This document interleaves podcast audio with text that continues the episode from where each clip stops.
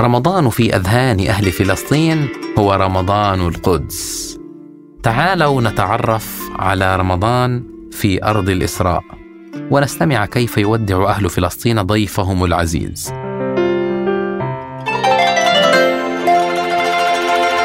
تنوين بلسان عربي.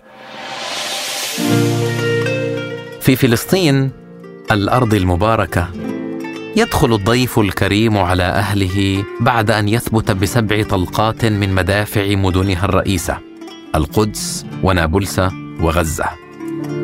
انتقل هذا التقليد من مصر إلى بلادنا قبل ما يربو على 180 عاما. في القدس تكتمل ملامح الصورة فما يلبث أن يهل رمضان حتى تتحول أزقتها إلى شرايين نابضة تضج بالحياة وتجري بالناس من أبوابها لأسواقها فالمسجد الأقصى. في فلسطين يتوق الناس لقاء القدس بعد أن حرموا منها طيلة العام. فإذا رمضان في أذهانهم ليس إلا شهر القدس وموائد القدس وتراويح القدس. فمن أول سحور حتى آخر تراويح تتكلم المدينة لغتها الأم وتبرز في وجه المحتل هويتها العربية الإسلامية. تظمأ المدينة أحد عشر شهرا فترتوي بزيارة أبنائها وحجاجها من مدن فلسطين. تحنو عليهم بعد عناء السفر وتلمهم بعد أن فرقتهم الحواجز والحدود على مائدة إفطار واحدة في باحات المسجد الأقصى. في القدس تتزين بسطات المدينة بالمشروبات الرمضانية كالخروب والتمر هندي وتستبدل أفرانها الكعك المقدسية ذائع الصيت الذي يتناوله أهل البلاد في فطورهم تستبدله بالبرازق. والبرازق هذه يا سادة رقائق ذهبية من الدقيق والماء ترق جيدا ثم يغمس سطحها بالسمسم بعد دهنها بالماء والسكر أو دبس العنب المخفف. وتدخل إلى فرن ناره هادئة ليتخمر السمسم ويلتصق بالعجين التصاق المحب الطائع. يأكلها المشتهي بعد التراويح فيطبب بها قلبه. ويهضم ما صال وجال في معدته من موائد الإفطار.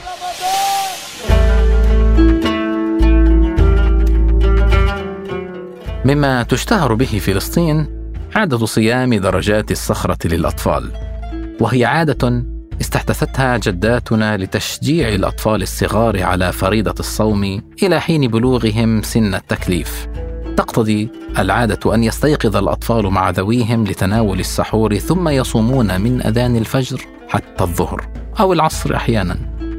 وقصة درجات الصخرة المشرفة أن إحدى الجدات اصطحبت أحد أحفادها إلى الصلاة في المسجد الأقصى في هذه الأيام.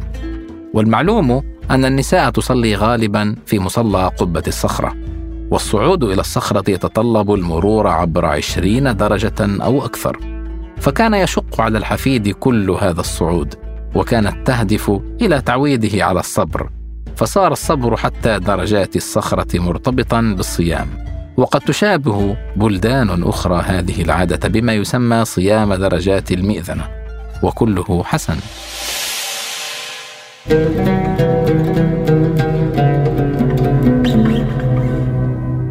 جرت العادة أن يتناوب القراء على تلاوة ما تيسر من القرآن في سدة القراء بالمسجد الأقصى. فيقرأ كل قارئ جزءا كاملا في اليوم حتى يجتمعوا على ختمته مع أعيان المدينة وفقهائها في آخر ليلة في الشهر. وما أن تدخل العشر الأواخر حتى ينشد الناس توشيحا جماعيا على مقام الرست ويبتهلون قبل أذان الفجر ما نسميه تواشيح رمضان. تسمعونها في هذا التسجيل.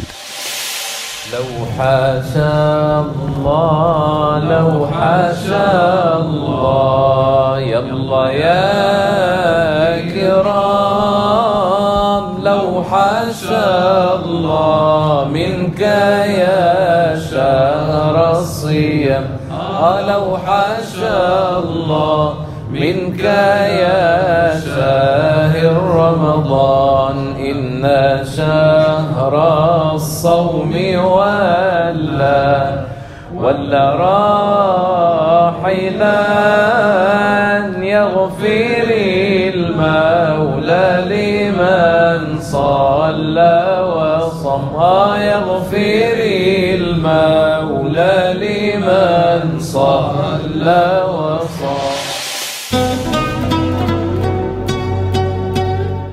وفي نابلس كذلك ينشد الناس ويذكرون على المآذن قبل صلاة الفجر في توديع الشهر.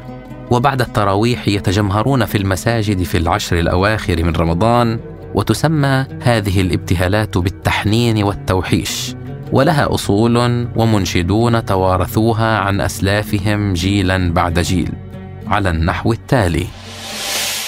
لا أوحش الله منك يا رمضان يا معدن الخيرات والإحسان.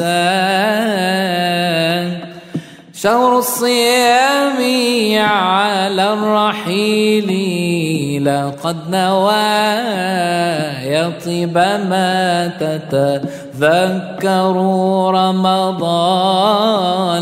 أوحش الله منك يا رمضان.